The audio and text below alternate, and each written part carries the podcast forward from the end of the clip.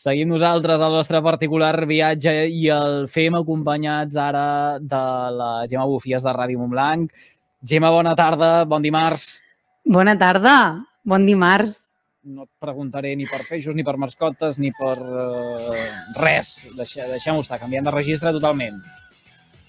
Sí, perquè és que encara estic rient, eh? O sigui, jo encara estic rient pensant en en Twinkie i tots els peixos de colors. Sí, sí, canviem de registre.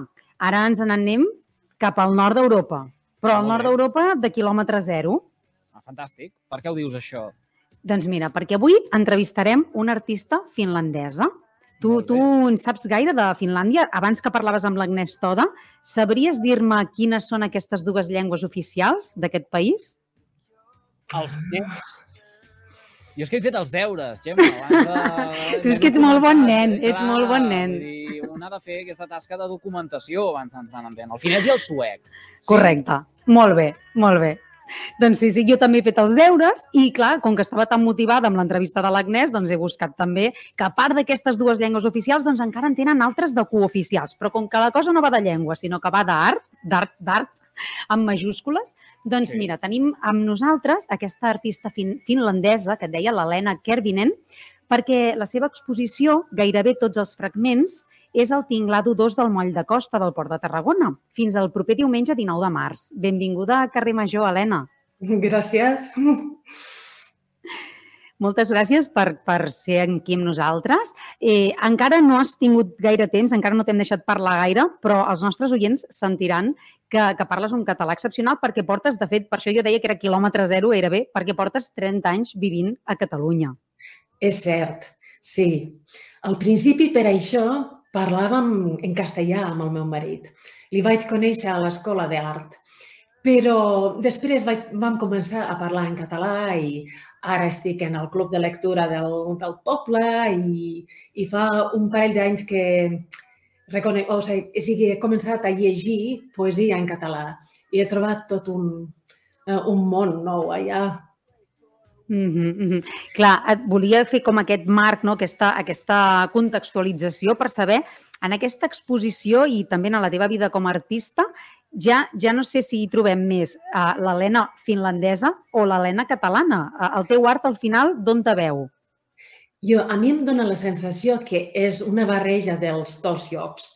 En part, suposo que aquesta cosa de finlandesa no m'ho treuré mai. Som gent que estem molt a prop de la natura. Però quan vaig venir a estudiar aquí, vaig veure també tot un altre món aquí, els artistes que donaven classes aquí a l'escola Massana on vaig estudiar, i després he anat a tots els museus d'aquí de, d'Europa. I realment jo penso que també uh, he begut bastants, bastantes influències d'aquí. Així que suposo que és una mica una barreja de tot. No sé si és el primer cop que exposes justament aquí al Tinglado o has exposat d'altres vegades a Tarragona.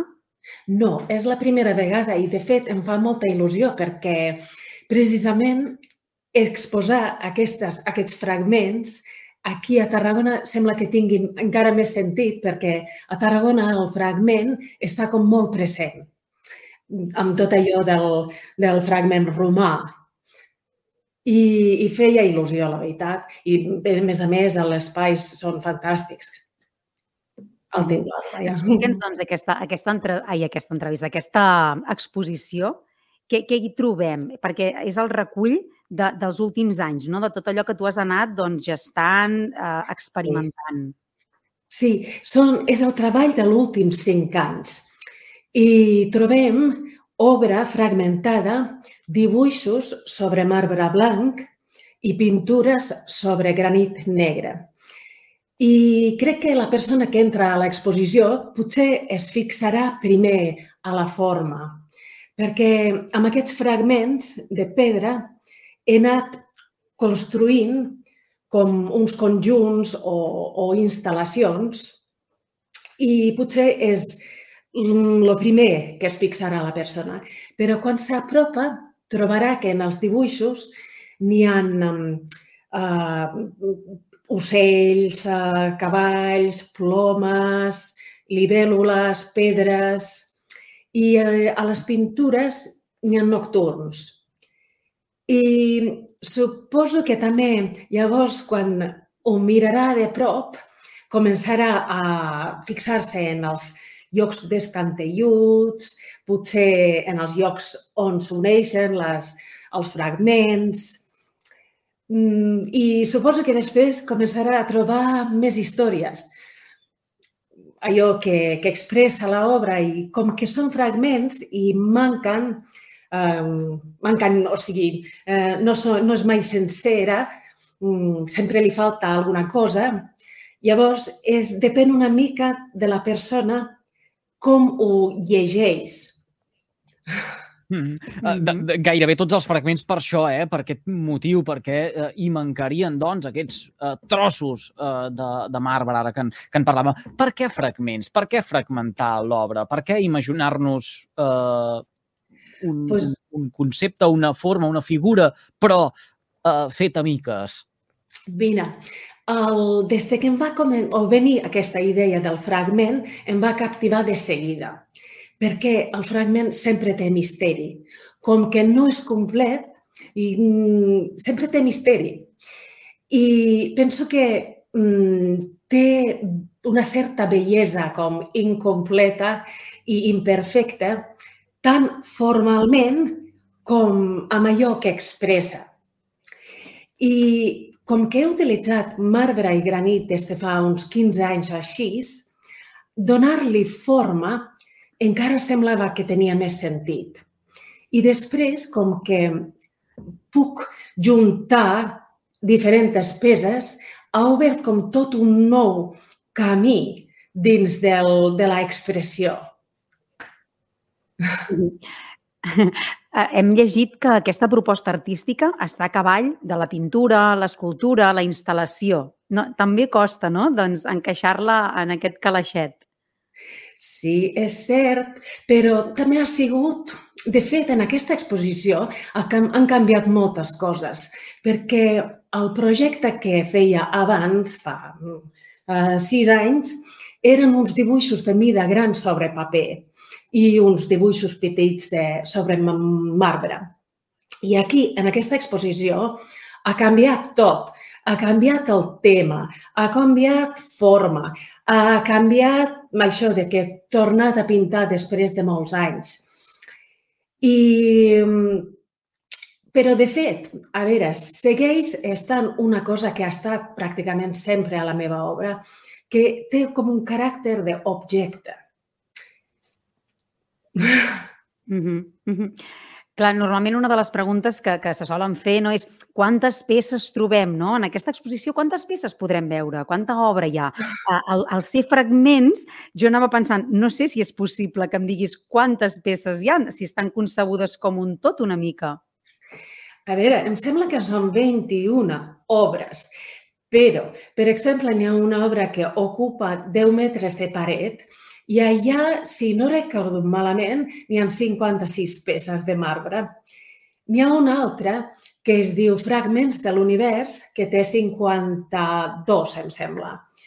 Uh, N'hi ha una gran peça que té 9, però um, tres o quatre d'aquelles peces pesa uns 40 quilos. Déu-n'hi-do, déu nhi Com, com s'ha fet el muntatge? Eh, és a dir, com, com s'ha um, com, com uh, s'acaba orga, organitzant o uh, instal·lant una exposició d'aquestes característiques perquè tingui el mateix sentit a Tarragona, ara ho tinc l'ado uh, del moll de Costa, o, o, en un altre, o, o en un altre indret, perquè no, no es perdi el concepte ni la idea amb la qual uh, s'ha uh, ideat el teu cap. Això és molt bona pregunta i és tot un tema. Perquè, clar, perquè es vegi igual aquí i en la pròxima exposició, jo haig de fer un planol. I és part del treball. Uh, ara no... bueno, faig com un planol de paper on es veu on està cada peça i després, a l'hora de muntar, col·loquem aquest planol a la paret i marquem tot a veure, és complicat. Uh, tinc el meu marit que també és artista i m'ajuda i la veritat és que entre ell i jo ho fem, però, però és un tema. Vam estar tres, tres dies sencers muntant-ho.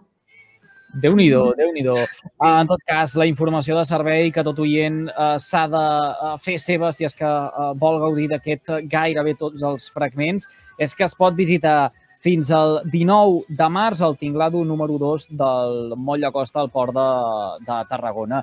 Com que disposem d'agenda, farem una cosa. Eh, recordarem, anirem insistint també en uh, aquesta mostra que res, eh, gaudirà encara de 15 dies més. Moltíssimes gràcies per fer-nos confiança i per acceptar la invitació de Carrer Major. Gràcies. Vull dir una cosa. El dia 12 faré una visita comentada. Així és que a la, el dia 12 a les 12. Queda dit. Que vagi molt bé. A reveure. Gràcies també, Gemma Bufies, des de Ràdio Montblanc.